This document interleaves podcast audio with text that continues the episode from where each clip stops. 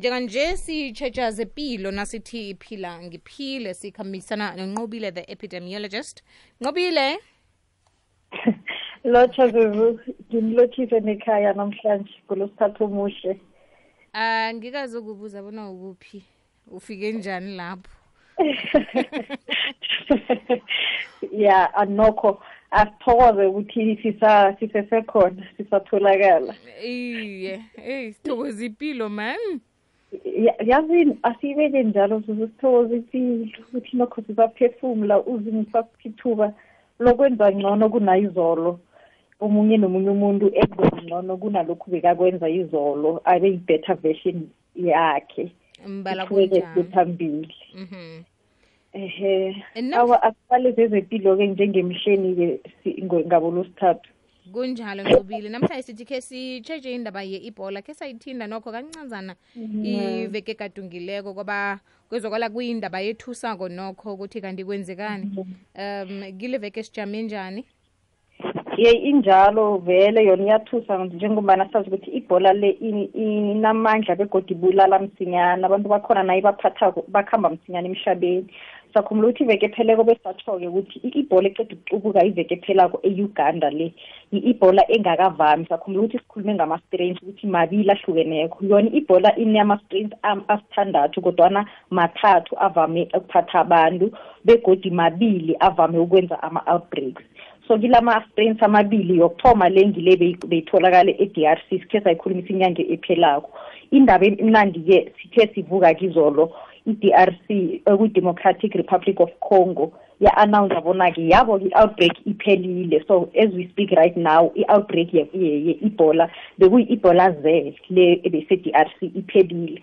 So kodwana-ke into esa- esasikhathaza kakhulu yindaba ese um Uganda lesikhulumisa iveke epheleleko besatsho-ke ukuthi i-strain sakhona-ke yi-ebola student ese-uganda begodi strain esingakavami nakancane njengoba sitshile ukuthi asinayo-ke i-treatment begodi asinayo-ke nemijovo. Ngikho-ke si- isikhamba isikhathaza. So leso strain esivunguza njenganje e-uganda i-outbreak yakhona ise- is still ongoing. Beyindaba ebuhlungwana ukuthi siyayibona seyispreda nakwamanye-ke ama-province ayisesese-provincini le yakhe be- bekade ithola-ke bekiyo. Kunama-cases abonakala ukuthi nokho seyiyakuhamba iyaspreda alona isipredako siyazi ukuthi eh si- si- sizama ukuthi thana-ke ayikaspredi kwezinye-ke iwele kezinye iinarha. Siyazi ukuthi e-afrika pha sithitelene khulu sisoke e-afrika pha. Begodi eh, i-ebola ivamile njengoba siyibona namhlanje ba-announce ukuthi iphele econgo kodwana i-uganda isa- isa- isavunguza khona. I-cumulative cases yabantu be- aba- akuhamba ababalelwa lapha kusathwayeleke ngomntwana we-ebola e-uganda le elangeni layizolo babalele ku-thirty-four. Abayi-fifteen ba-confirmed noma-ke ila- i-laboratory test yabo i-confirmed bese-ke i-eighteen ma-probable kulapho-ke mhlawumbe kusalinde khona ama-test ukuthi a-confirm. Begodi-ke abasele basifile emhlabeni baboke bayi-twenty-one. so siyabona ukuthi nasibala abantu abayi-thirty-four all in all sithi abakhambileko bayi-twenty-one. Iyasitshengisa-ke ubungozi banakho ukugula ukuthi baningi-ke nokho abantu abakuhambako kibe laba abakhambileko-ke abayi-four banama-confirmed test abayi-seventeen bakhona basesema-probable cases noma-ke kulapho-ke mhlawumbe kusalindwe khona ama-test. So ngiyinkosi msanambe siletha sikhulumisa nje abantu ba- babe-aware ngakho begodi bakungenzeka abantu abakuhamba baye eminarheni ezinjengalezo babuye ekhaya apha noma abantu abangaba namatshwayo wayo-ke bakhambe bafune ihelebho msinyazana ukuthi woke-ke umuntu ophethe ukugula okuthinta- okuthintelana nabanye athole ihelebho lakhona msinyazana ngaphambi kobana-ke athelele abanye abantu begodi Eh, kuyezwakala khe sithengise msinyazana siyabuya. Landela ikwekwezi fm enkundleni zokuthintana ukubana ikwazi ikulandele nawe. Twitter at ikwekwezi underscore fm imashumi amabili nambili mzuzu ngemva kwesimbi yeshumi nanye kwekwezi fm kukhanya ban eh nqobile namhlanje msi um amalanga amashumi amabili nane ngitsho kukhukhula mungu nasi indaba yamarabi. Engifuna ukukwazi-ke ukuthi lilanga esenzani ngalo siyagidinga namkha senzani? Ngoba ngilamarabi Rabies Day kutsho bona-ke lilanga-ke eh esikhamba si, si we are raising i-awareness noma Oh. ilanga ekufundiswana ngayo ngendaba le yamarabi sakhuluma ukuthi irabi nasikhulako besazi ukuthi kugula kwezinja bekodwa kusithinta ukuyaphi. Akavami nakancane. Akusafani-ke nanamhlanje sikhulumise kaningi sinawo izuzu sinande sithi ama-rabies outbreak nakarhagele esewula afrika. Abantu nabo abayafa ngobuningi itholakala khulukhulu nge-postmortem. So iyasitshengisa ukuthi sekuthi asazi sibabantu ngoba ngombana-ke yona-ke igula kwamarabo ku-hundred percent fatal kuyabulala umuntu kwamphatha la. Hundred percent umuntu uyakuhamba emhlabeni. Kodwana-ke godi ku-hundred percent preventable. So sakhona ukukukhandela-ke hundred percent. So uyabona ukuthi umuntu nakavana akuhambe emhlabeni kutho ukuthi simise i-opportunity la yi-hundred percent preventable. Kutsho khona ukuthi sisi isizwe sesewula afrika asikakafundisani rhanorho ngamarabi begodi asiwazi. Ngikho-ke sikhamba sibona abantu bagcine ba- babhubha emhlabeni njengoba sibabona namhlanje. Banengana-ke nokho esewula afrika abatshengisa ukuthi sele bakhambe emhlabeni ngogula kwamarabi. Alo-ke namhlanje-ke yi-world rabies day ilanga lokuthi sifundisane sixwayisane nge- ngekugula kwamarabi nokuthi kukhandelwa njani singavikelana njani sizinarha ukuthi kungakhambi kusibulala ngendlela ekusibulala ngakhokho nase lafikile emntwini konje ngizokubona njani ukuthi hawa nje-ke se- se- sekumarabi amarabi le into e- e- e- ebaluleke khulu ngakho zuzu ukuthi ku- kungenye yama-zoonotic diseases. Ngiyacabanga uzuzu sekayibetha-ke nje i-zoonotic disease sibona yini? I-zoonotic disease sithe kugula okusuka emlwaneni kwekucela ebantwini. Alo-ke akukho a- akuka- a- kugula okungazokuphatha kuphela ungasimuntu ungakabi exposed esilwaneni. So inlwane ezifuywako ekhaya ngizo-ke inlwane evane ziphathise abantu amarabi iinlwane ezi nazingatholi imijovo yazo inlwane kazi ziyanakelelwa zuzu njengabantwanyana esibasekliniki qobe kusikinyeka every two weeks. Bokuthola imijovo bahlatshwe amagojisi bahlatshwe bathontiselwe amathosi neenlwane zenziwa njalo.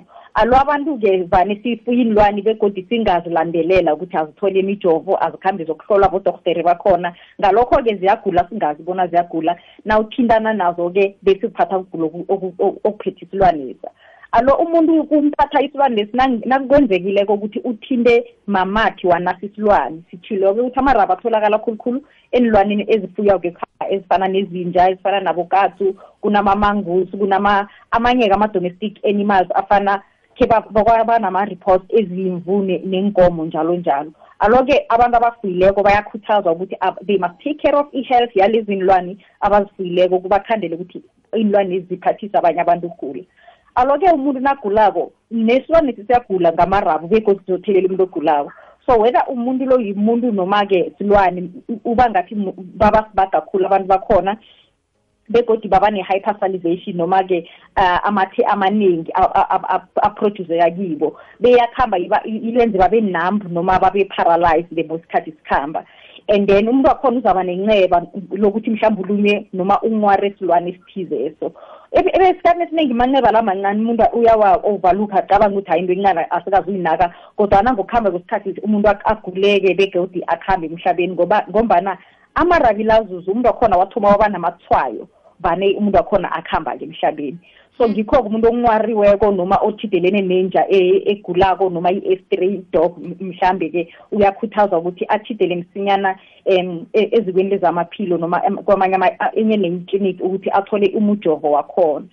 So kunama-prophylaxis uh, aphiwa-ke umuntu i-injection yakhona le i- i-vaccine iphiwa umuntu nakakhambe athintana noma aba-exposed to isaliva noma amathe we- we- we- we- wa- any of those um domestic animals. Mhlawumbe unwarekile mhlawumbe ulunyiwe yinja mhlawumbe umntwanyana bekazidlalela nayo aka- bekangacapheleki njalo njalo. And then inja le iyakhombisa u- ukuthi mhlawumbe iyagula-ke.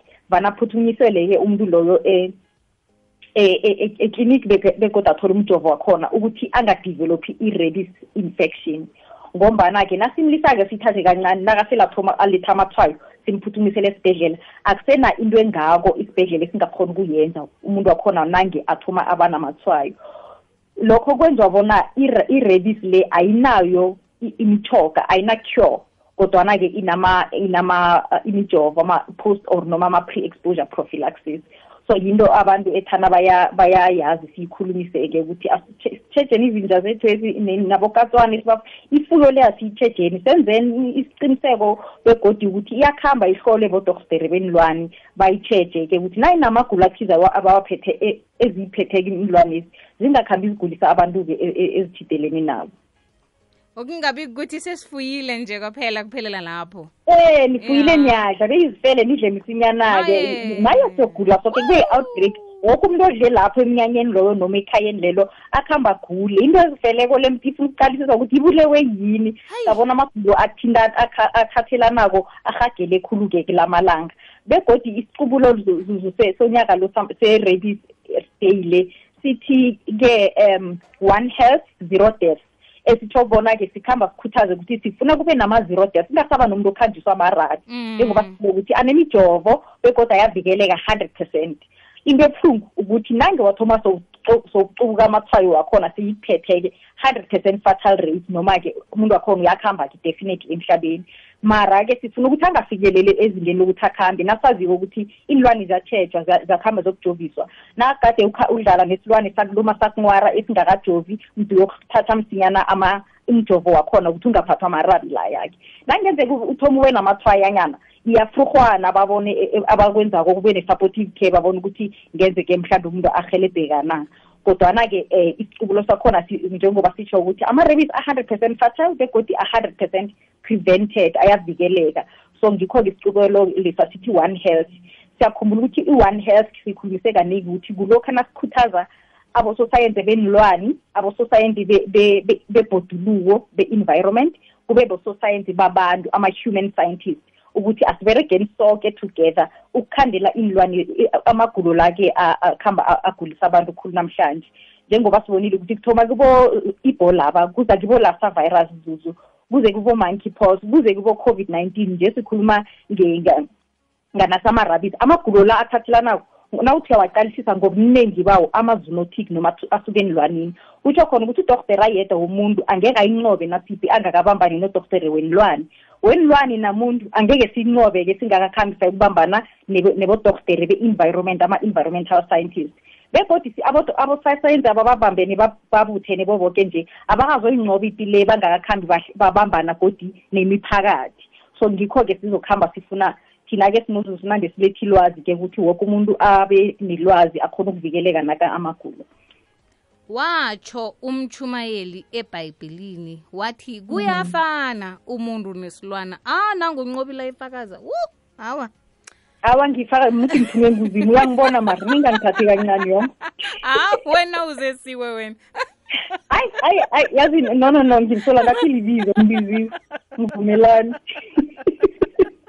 injalo i-one Yeah. health isicubulo-ke sakulo nyaka i-one health itsho khona ukuthi akusimberego wakarhulumende akusimberego wakadorhtere noma udorhtere nilwani noma udorhtere webhoduluko noma umuntu kuphela osekhaya. Umberego wethu soke ukuthi sibumbane silwise nakamagulo athathelanako ngiyezwakala nqobile sithokoza kakhulu ngelwanzi osabele lona namhlanje sithokoze nangesikhathi sakho ungadinwa ngithi? Ngithokoze khulu namzuzu sizahlangana kodwa evekeni ezako. Aha-ke.